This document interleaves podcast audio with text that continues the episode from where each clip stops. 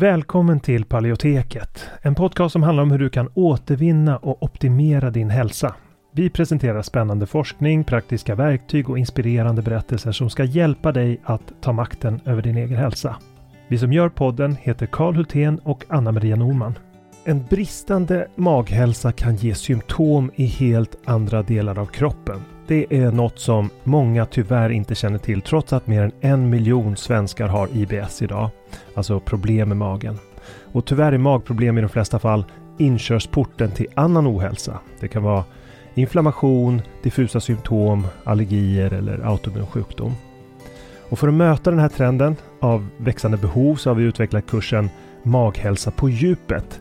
Där vi går på djupet med att vända dålig maghälsa som SIBO och IBS. Och det här är viktiga delar av kursen som vi talar om och den senaste forskningen på de områdena. Och vi djupdyker i vad forskningen säger om de senaste naturliga terapiformerna, kostmetoder, kosttillskott, probiotika och så vidare. Och kursen den kickar igång fredagen den 3 maj och har fyra olika faser och tre frågestunder live. Och dessutom har vi olika resurser och guider att ladda ner från kursplattformen.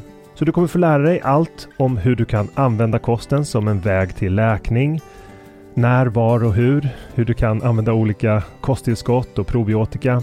Och om du redan är medlem i Hälsodetektiverna så får du som vanligt en rabatt på allt vi gör, så även den här kursen. Och den här kursen tror vi är en perfekt väg för dig mot en bättre maghälsa där du inte bara får lära dig ett metodiskt tillvägagångssätt för att minska dina symptom utan också förstå de underliggande orsakerna. För att läsa mer om kursen och anmäla dig till den går in på paleoteket.se och klickar på utbildning. Eller klicka dig vidare från länkarna i podcastbeskrivningen. Så varmt välkommen till Maghälsa på djupet. Vi ses där när kursen startar, den 3 maj. Innan vi kör igång med dagens tema vill jag påminna om att den här podcasten har ett utbildande syfte och inte utgör medicinsk rådgivning. Nu kör vi!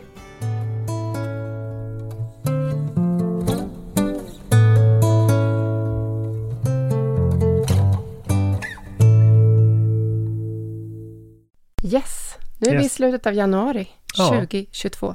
Nu är vi där. Nu är vi där. Vad tiden går. Ja, den går ju väldigt hastigt. Vi kom nu. hem från våran månad på Teneriffa då för två veckor sedan ungefär. Ja, med full fart från början har det varit. Och vi var så friska. Och mm. det som hände på en gång var att vår dotter fick covid. Mm. Direkt i skolan och sen covid. Ja, ja. jag var lite nervös där med covid. Att jag skulle, ja. mina symptom skulle bli sämre igen. Men du, har jag... du har ju inte känt av någonting. Nej. Det är väldigt roligt. Um, och vi, um, jag kände lite, lite ont i halsen och testade. Mm. Uh, men, eh, och då hade jag lite, men, men nu verkar jag inte ha Det var intressant att jag fick ju noll symptom verkligen. Ja. Men jag hade ju också ett allvarligare förlopp än vad du hade första gången vi fick det för mer än ett år sedan. Mm. Men det, jag kanske ska nämna det också, att jag hade ju jag hade de där långvariga reumatiska symptomen och det var ganska intressant på Teneriffa att vi blev, eller jag blev bättre där. Mm. För då, min läkare ringde till mig bara en vecka före avresa ungefär och sa att jag hade dåliga njur, njurvärden. Att jag hade högt kreatinin och så. Jag behövde sluta ta läkemedlet Arcoxia som jag tog. Det är en sån här NSAID-preparat. Och eh, då slutade jag tvärt med det sen visade det sig senare att jag hade inte dåliga njurar utan det var bara för att när man äter ganska mycket kött i kosten så får man naturligt höga kreatininnivåer. Och dessutom har jag hyfsat hög muskelmassa och då får man också det. Så då ska man ju ta C-cystatin istället eh, som blodprov för att mäta njurfunktionen och hur de funkar. Men ja, det spelar ingen roll. Men hur som helst blev jag ju bättre mm. successivt mm. under hela vistelsen.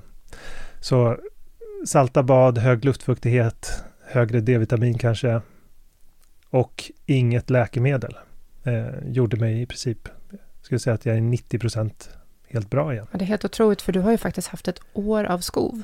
Ja. Vi har inte pratat så jättemycket om det, men efter covid eh, där så blev ju du, var det reumatismen som liksom... Ja, det kickade igång. kickade igång. Och så kan det ju vara. Det är inte helt ovanligt att infektioner sparkar igång skov. Mm. Det kan vara många olika autoimmuna sjukdomar. Och, mm. och, och olika infektioner också, inte bara covid. Nej, precis. Mm.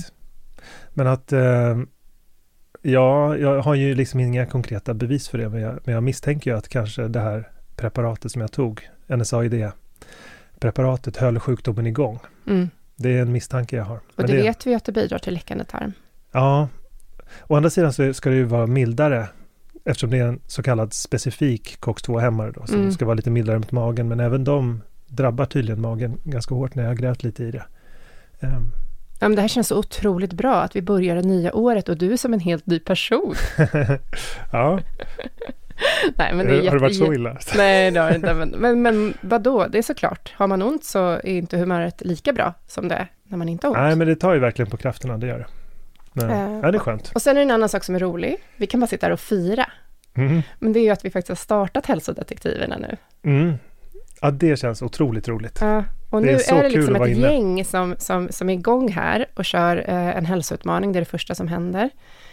Ehm, så vi, vi startade ju nu, bara för någon vecka sedan, startade vi hälsoutmaningen. Men vi har ju varit igång lite grann och smygstartat hälsodetektiverna sedan nyår. Mm.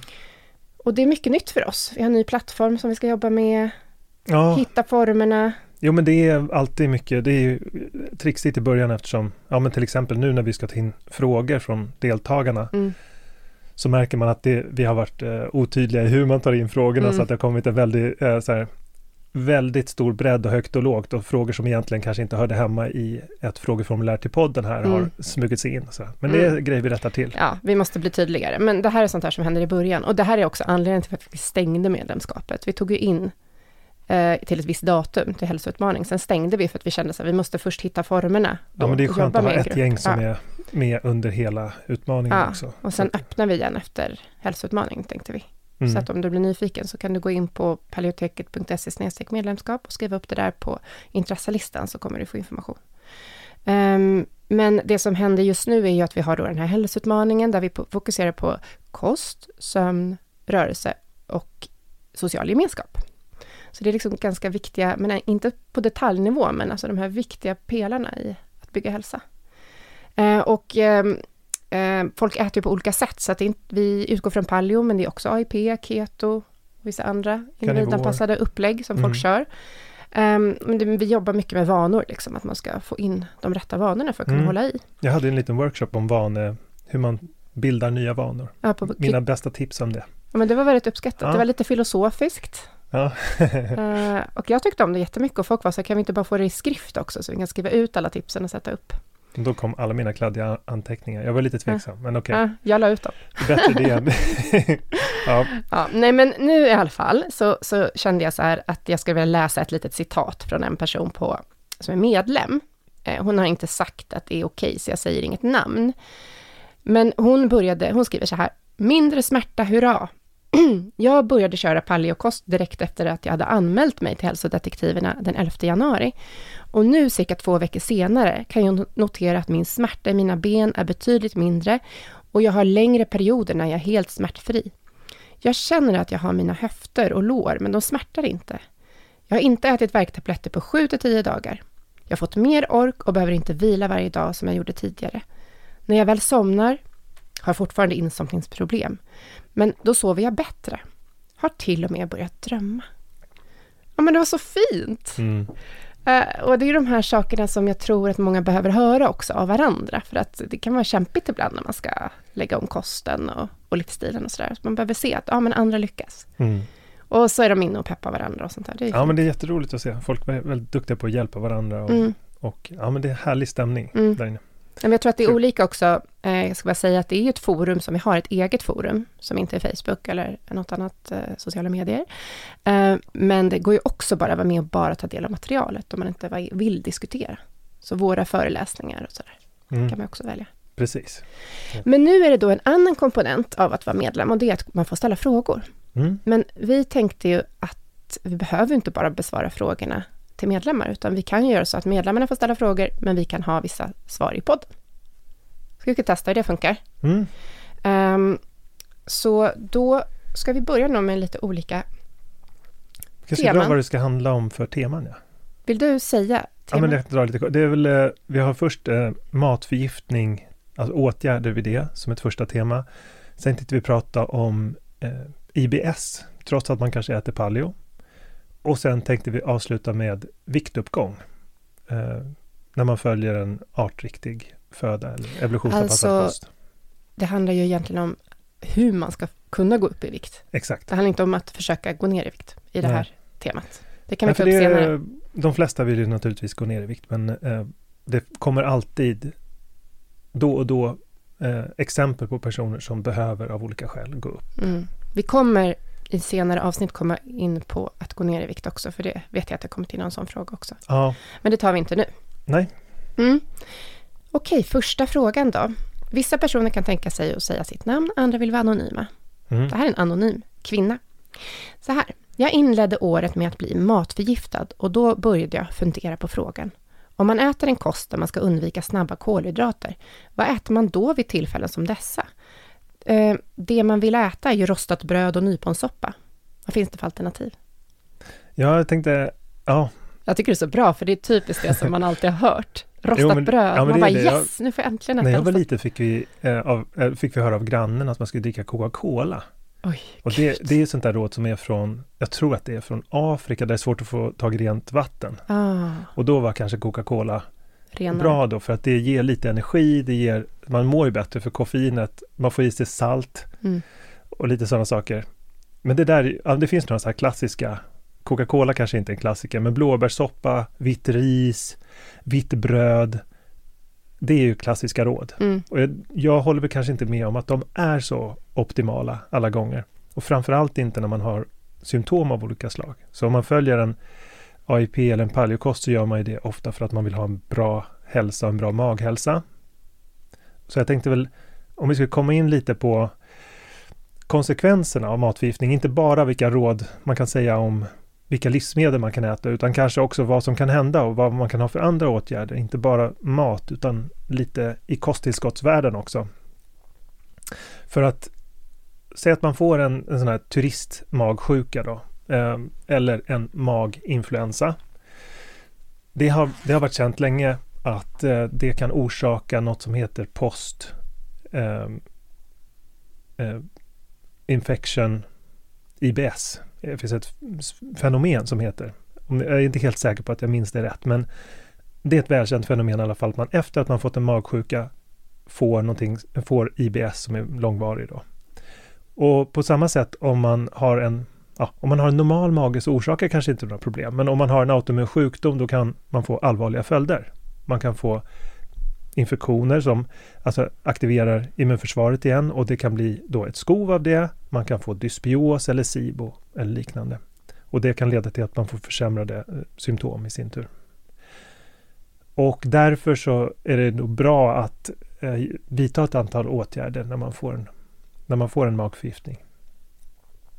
Men eh, det kan också vara bra då att ha en handlingsplan vid sidan av de livsmedel som man äter. Och eh, det kommer ju leda till att man hamnar på banan snabbare, man blir bättre snabbare och man får då fokusera på livsmedel som då kan normalisera läget i magen och kanske förbättra immunförsvarets reglering. Så det handlar om grundläggande saker när man får en maginfektion som maghälsa, näringstäthet, sömn och, och avkoppling, alltså vila. Så sådana saker är naturligtvis grundläggande. Men jag skulle säga att det första steget när man, ska, när man, får, när man förlorar mycket vätska då säger vi, vid en magsjuka, man får en vanlig Säg om man får en vanlig vinterkräksjuka eller om man får en turistdiarré eller vad det nu kan vara, så förlorar man ju vätska och elektrolyter därmed. För att elektrolyterna finns ju kvar i avföringen och åker med ut. Man absorberar inte lika bra. Så det första skulle jag säga är att se till att få i sig elektrolyter. Och den chefselektrolyten är ju naturligtvis natriumklorid, alltså vanligt havssalt. Om man får i sig tillräckligt av den så sparar man också de övriga elektrolyterna som är eh, kalcium, magnesium eh, och eh, Kalium? kalium. Kalium, ja, bra. Menar du kalcium? Kalcium också. Mm. Eh, och ja, kalium är en viktigare elektrolyt naturligtvis. Men alltså, man kan blanda en väldigt enkel drink. Man behöver inte köpa några så här sötningsmedelsspäckade eh, drycker, utan det går att ta en liter vatten och så tar du ett till två gram havssalt för, till det.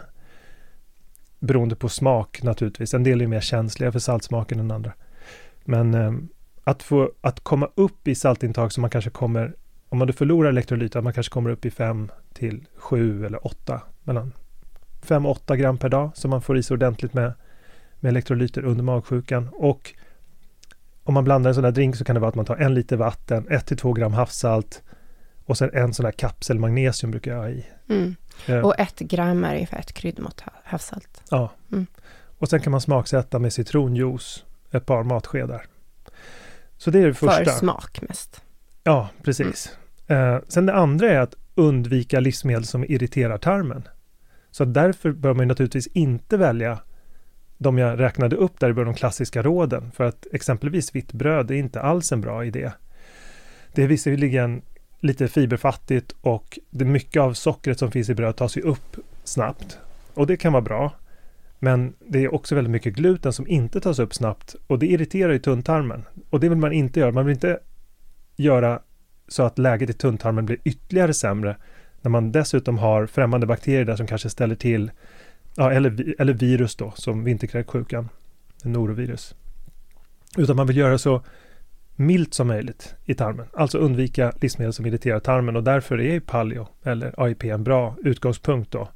Men möjligtvis skulle man kunna göra den justeringen att undvika väldigt fiberrika grönsaker och mer gå åt kanske kyckling eller fiskhållet till när man eh, väljer mat då. Mm. Och, Och det är liksom kokt. Kokta grönsaker. Ja, kokta grönsaker, men också jag tänker, inte så mycket fibrer. jag tänker också att eh, även fisk och kyckling kan ju vara kokt. Ja. Inte stekyta liksom, som är lite hårdare för Nej, magen. precis. Men, men eh, fisk och kyckling är väldigt så här lättsmälta. Men Jag tänker där på kokt morot, kokt sötpotatis. Vad tror du om en soppa med benbuljong och sen kokta grönsaker som är mixad? Ja, utmärkt. Ja. Och då får man också i sig elektrolyter där med. Ja, jag tänker nästan att det är ett väldigt bra Det är tips. jättebra. Mm. Och det som man ska då framförallt undvika är ju saker som nyponsoppa, blåbärssoppa. Eh, där finns det ganska mycket fruktos och det tas upp väldigt långt ner i tunntarmen och kan göra, säg att man får dysbios av infektionen, vilket inte är helt ovanligt. När man får en inflammatorisk miljö i tunntarmen, det har vi pratat om många gånger, så är det lätt att skadliga bakterier med vassa armbågar tar över miljön där. Mm. Och till exempel när man får en turistdiarré så då, då, får man, då får ju alla SIBO när man får eh, E. coli-bakterier i sig. Det är överväxt av E. coli i tunntarmen. Det är Mm. SIBO. Så det, det har de flesta haft någon gång i livet. Och man vill inte i den situationen göda bakterier för mycket generellt sett och därför är fruktos inte ett bra val utan då är det bättre att ta en glukosdryck i så fall. Alltså om man nu verkligen inte är fettanpassad man äter inte keto i, eh, eller karnivor eller lågkolhydrat till vardags. Man behöver få i sig eh, glukos för att inte förlora för mycket vätska i kroppen och för att eh, må bra. Då kan det vara bättre att, att få i sig, ja dels det var vi inne på med rotfrukter förstås, men kanske också via den här elektrolytdrycken ta några matskedar med dextropur i. Så man Eller får i sig stevia, glukos. funkar det också? Ja, stevia är ju bara för sötsmaken. Ah, okej. men, men eh, dextropur är ju för att eh, det tas upp väldigt snabbt i övre delen av tunntarmen och kommer ut i kroppen, fyller på glykogendepåerna. Mm, jag förstår. Och- Ehm, jag, jag tänkte på en sak, bara ett, ett konkret tips där kopplat till den där soppan. Mm. jag tycker att det är så himla smidigt. Men alltså om man ska ha kokt kyckling då, för att den är lättsmält. Ja, men då kokar du en hel kyckling en timme. Sen plockar du av köttet. Och sen så kokar du benen en timme till. Sen silar du bort benen. Sen lägger du i rotfrukterna och kokar dem. Mm. Och sen så mixar du alltihopa. Mm. Ja, men då har du både kokt kyckling och en soppa. Ja, men det låter som en utmärkt, Mm. utmärkt plan.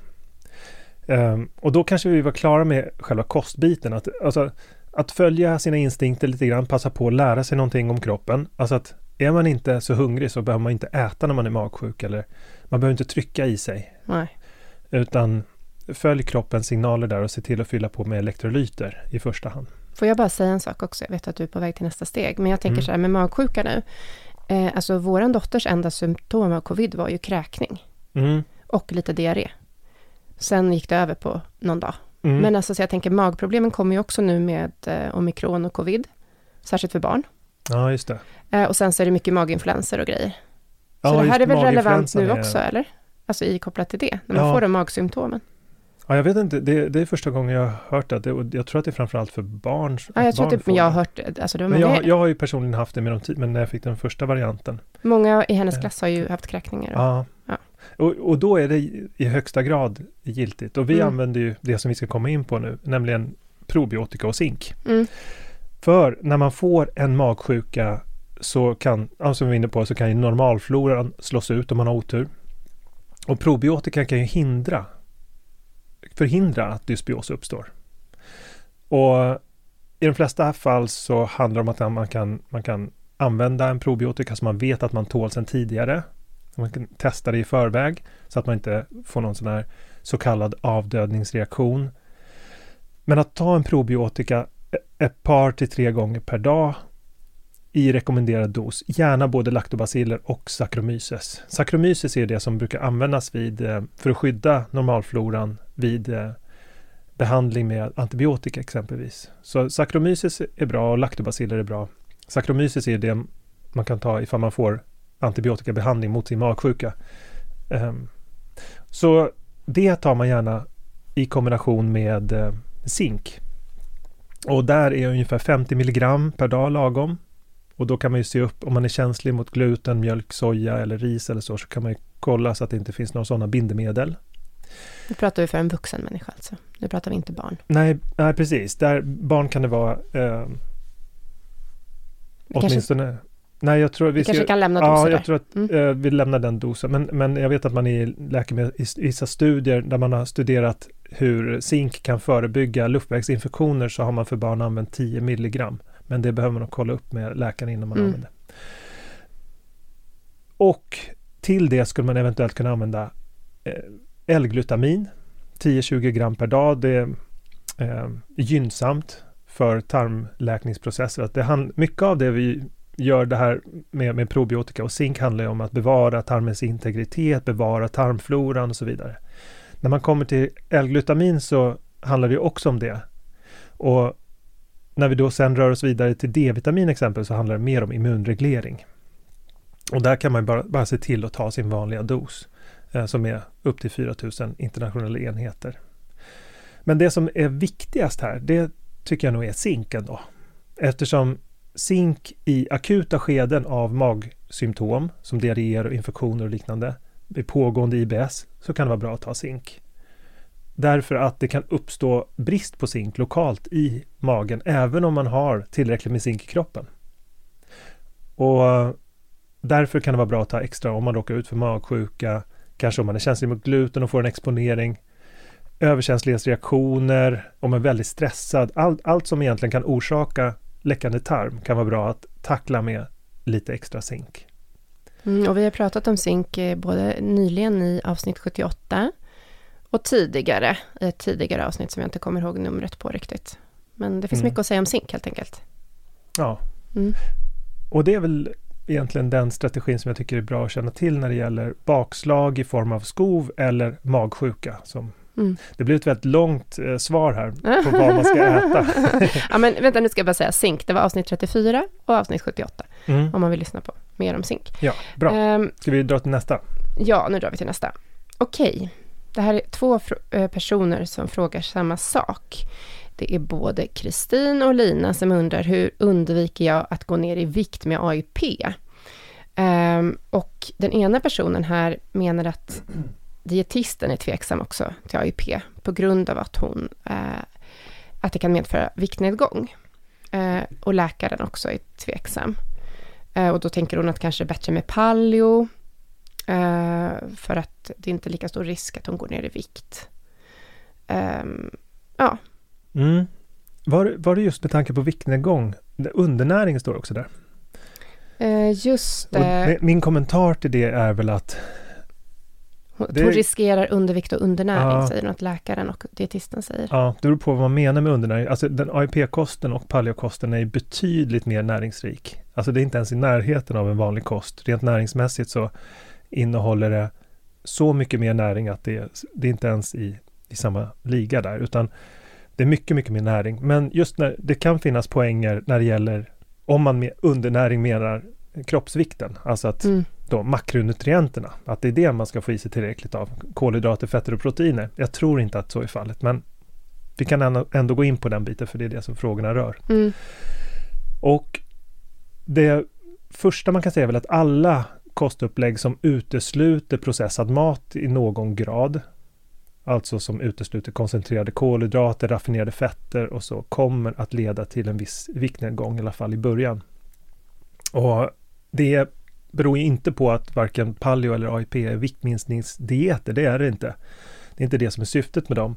Men, och, men många som börjar med kosten börjar ändå minska i vikt och det är ju välkommet i de flesta fall eftersom det är, man ofta ser en förbättring av kroppssammansättningen, en minskning av fett och en ökning av eh, muskelmassan.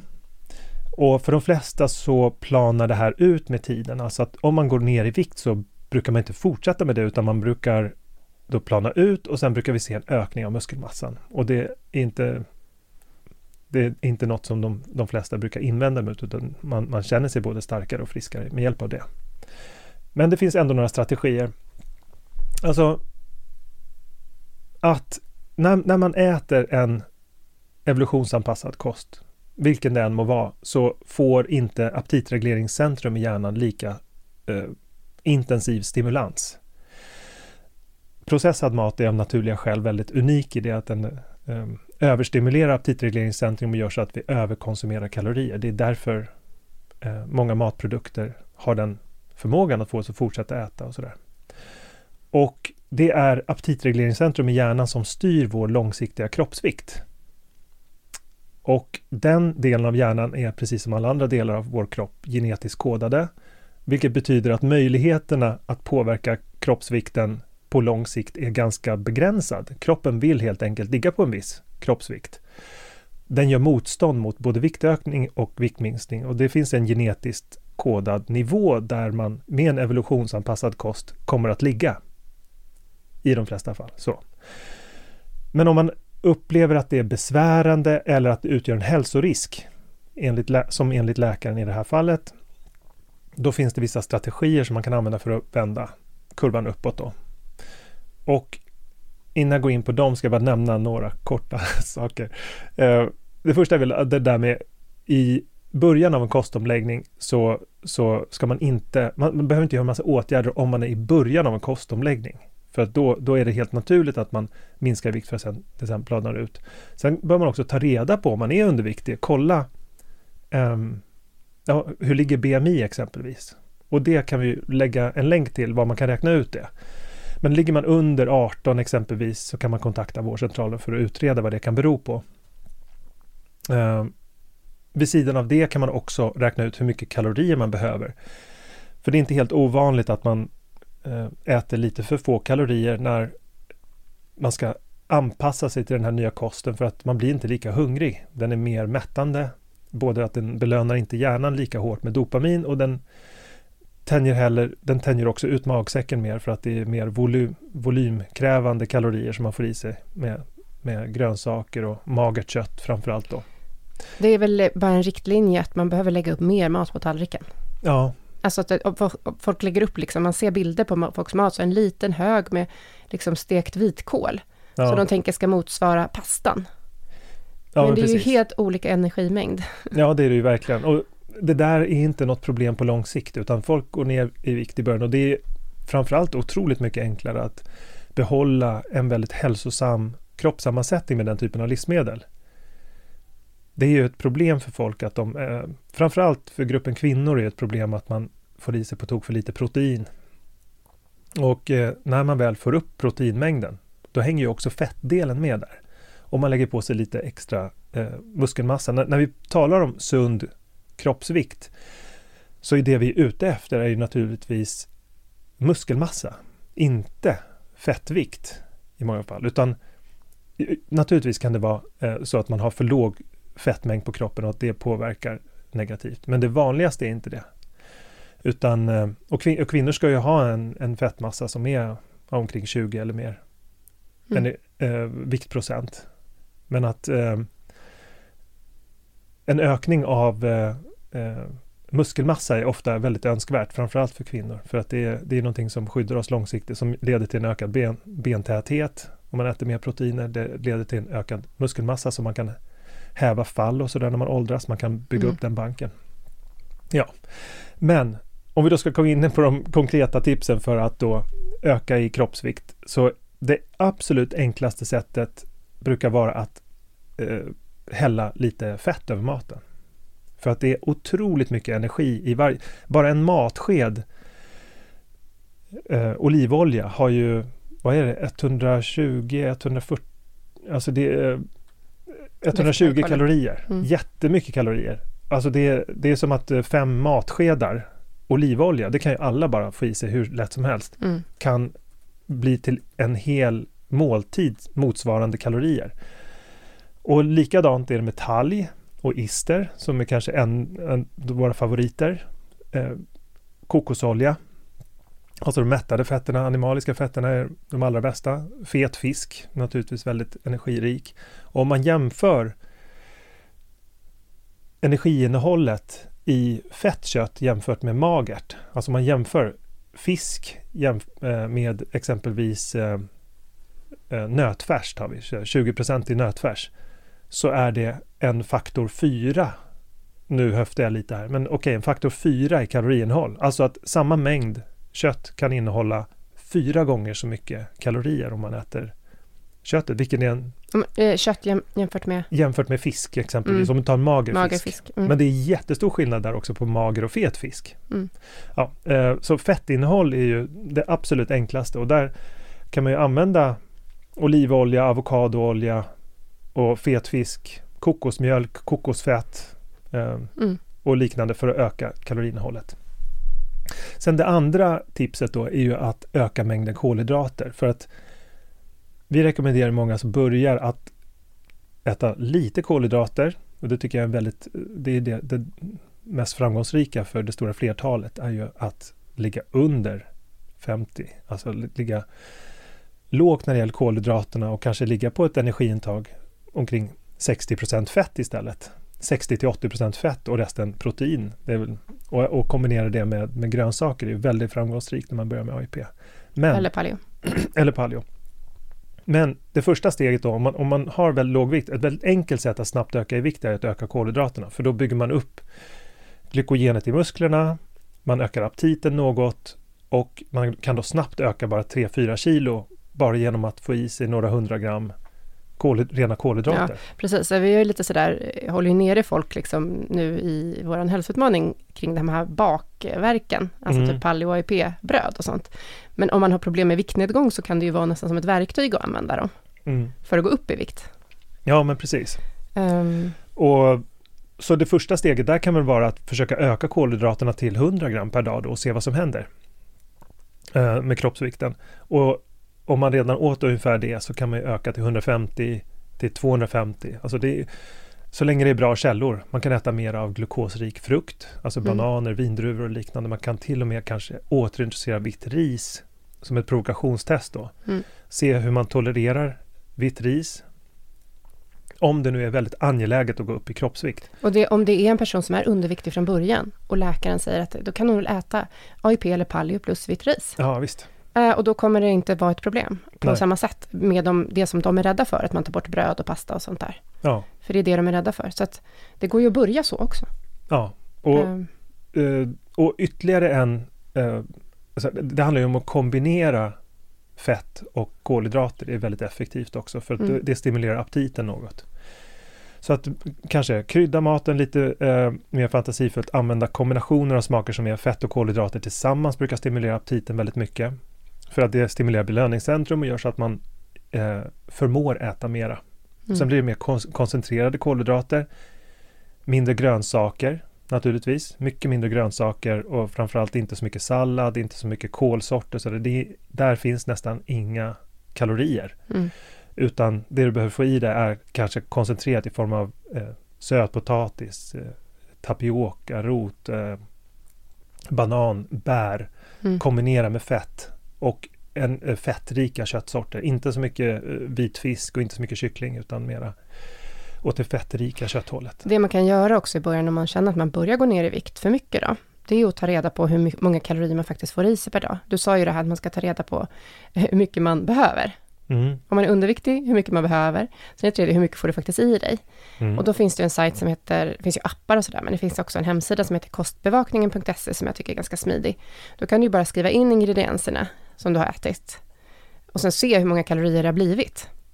Mm. Och, och, så märker du, kan du laborera, ja men lägger jag till en matsked eh, olivolja, ja men då blev det så. Mm. Jaha, eller lägger jag till det där, jaha men då kommer jag upp i den mängd jag behöver. Just det. Det tycker jag är jättebra. Om vi tycker inte att man ska behöva göra det långsiktigt, hålla på och skriva, men när man håller på och försöker liksom föra in en ny kost för att ta reda på hur mycket man egentligen behöver, då kan det vara ganska bra. Ja, jag tycker det är väldigt bra att eh, ja, men, eh, följa kaloriintag under, per, under perioder för att få koll lite på, ja men för vissa som har ja, men svårt med att hålla vikten uppe så kan det vara väldigt bra att få koll på var kalorierna finns genom att tracka sina måltider. Och det, man kan ju också göra det med den här appen Fat Secret till exempel. Mm. Och där tar man, liksom, man kan ta en bild av maten, man kan knappa in ingredienserna på ett väldigt enkelt sätt och då får man ju koll på vilka livsmedel som har väldigt lite kalorier och blir väldigt mättande. Och få, så får man bort dem i kosten och kan gå över till att äta sånt som innehåller mycket fett och mycket protein för att bygga upp kroppen. Mm.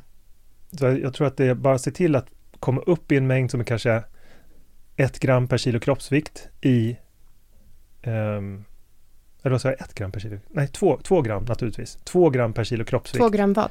Protein. Mm.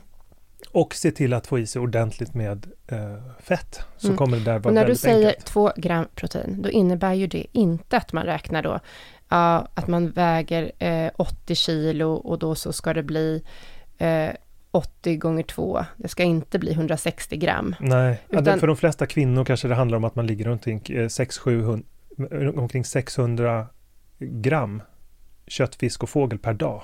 Och, och det, de gör, det män, har ju väldigt många väldigt svårt för. De flesta män ska äta omkring eh, kilot kött, ja. fisk, fågel per dag för att komma upp i de mängderna som är... Precis, så att jag tänker så här, den ambitionsnivån tror jag är ganska hög för många. Mm. Kanske för hög. Och det, det... Ja, det är, jag tror att det är mycket, det är mycket en vanefråga. Det, det handlar mycket om vad man är van vid i köket. Mm. Och det, det, är en, det är en så stor fördel rent eh, metabolt och välbefinnandemässigt. Alltså att det är så otroligt mycket lättare att ha hög energi, prestera bra på träningen, gå ner i fettvikt framför allt. Mm. Om man ser folk som misslyckas med att gå ner i fettvikt så är det ju snarare regel än undantag att de äter för lite, att de, att de träffar under det målet. Alltid i princip. Mm. Så ja, jag, ty jag tycker att det är väldigt bra mål att sikta på, framförallt om man ska läka med hjälp av kosten så finns ju näringen och det som kroppen använder för att läka finns ju i proteinet också. Precis. Um, ja, men, men att få i sig mer protein, ett sätt till det, som vi också gått igenom nu på hälsoutmaningen, som är en utmaning som vi har gett folk, det är att äta vanlig mat till frukost. Mm. För att ofta är det mycket kolhydrater i maten som man äter till frukost, om man äter gröt eller bröd eller någonting. Men om man tar en uh, liten kycklingbiff eller köttfärsbiff i ett salladsblad, Mm. Så har man fått i sig protein. Ja, men det är jättebra eh, och, sen, det. och sen är det ju inte heller så, man behöver inte äta så mycket av det då. Om man tycker det är svårt att äta mycket, för som du sa, det är väldigt kaloririkt. Det är både fett och protein. Ja, men precis. Det, ja. Så det är inte en jättestor måltid. Det räcker ju med en 200 grams eh, köttfisk fågelbit på, på mm. morgonen. Mm. För att, eh, då har man en tredjedel ungefär. Men att det där kan man ju räkna med hjälp av kostbevakningen eller Fat Secret för att se hur, track, tracka liksom hur mycket man får i sig av makronäringsämnena. Mm. Det är Precis. ett väldigt smidigt sätt. Men vi kanske ska gå vidare med nästa fråga. Ja, men nu är vi inne på sista frågan tror jag här som vi ska ta idag. Mm. Eh, och den handlade ju om, eh, nu ska vi se, Mia frågar. Jag har SIBO och histaminintolerans och äter under 30 kolhydrater om dagen, men ballongmagen består och även gaser. Vad ska jag absolut undvika i matväg? Och eh, det finns en annan person som heter Eva som har ungefär samma fråga. Hon har ätit AIP sedan 2019 och senaste tiden har hon försökt gå mot paleo. Hon har Hashimotos. Hon tycker ändå att magen är knasig, uppblåst och svullen. Eh, avföringen som är omväxlande hård eller lösare. Tror jag dåligt med magsaft. Äter en hel del råa grönsaker, kan det ha betydelse? Eller vad kan jag göra ytterligare för att läka tarmen? Mm.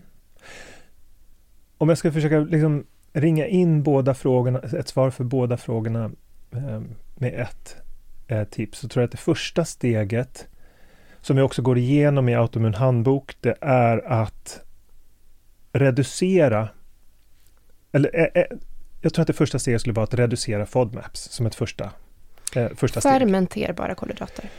Eh, fermenterbara oligodimonosackarider, mm. sockeralkoholer och polyoler. Att det, det är då eh, en förkortning som beskriver en lång rad märkliga kolhydrater som finns i olika typer av grönsaker och frukter och bär. Och på sidorna eh, 339 och framåt så har vi en komplett tabell i Autoimmun handbok eh, där man kan läsa vilka grönsaker och vilka rotfrukter och vilka eh, bär och torkade bär och frukter som innehåller mycket FODMAPs. Mm. Några som exempel också, på det. det är de som ingår i AIP. Ja, men det, mm. det är bara de som ingår i AIP. Mm. AIP, AIP innehåller en del um, FODMAPs, även om, om AIP är ju i grunden en FODMAPs-begränsad kost i och med att den utesluter de flesta spannmål, mejeriprodukter, baljväxter. Det är de stora grupperna egentligen av mm. FODMAP. Så att till, till att börja med kan man säga så här att AIP, är, AIP och paleo är redan FODMAP-reducerade. Så därför är ju så många som mår bättre matsmältningsmässigt med dem också. Det är inte enda anledningen, det är naturligtvis har att göra med överkänsligheter. Det är väldigt vanligt med överkänsligheter mot de livsmedel som vi utesluter för att de är evolutionärt nya och så vidare. Men AIP och paleo innehåller fortfarande saker som aprikoser, björnbär, kolsorter, dadlar, avokado. Vi har butternutpumpa, havtorn, eh, champinjoner, fikon, mullbär, nypon, purjolök, persikor. Alltså en lång rad livsmedel och de här finns alla listade i Autoimmun handbok. Jag vet inte hur man ska på något sätt göra någon lista? Vi har en lista vi skulle kunna lägga ut faktiskt på vår resurssida, paleoteket.se resurser. Jättebra. För det finns en lite förenklad lista där. Så det är det uh, första steget, att dra ner på FODMAPs och utvärdera en till två veckor, utvärdera vad som händer med matsmältningen. Och kanske skulle jag om det nu är möjligt uh, att då uh, äta en FODMAP-reducerad kost och det räcker, så är det ett bra första steg.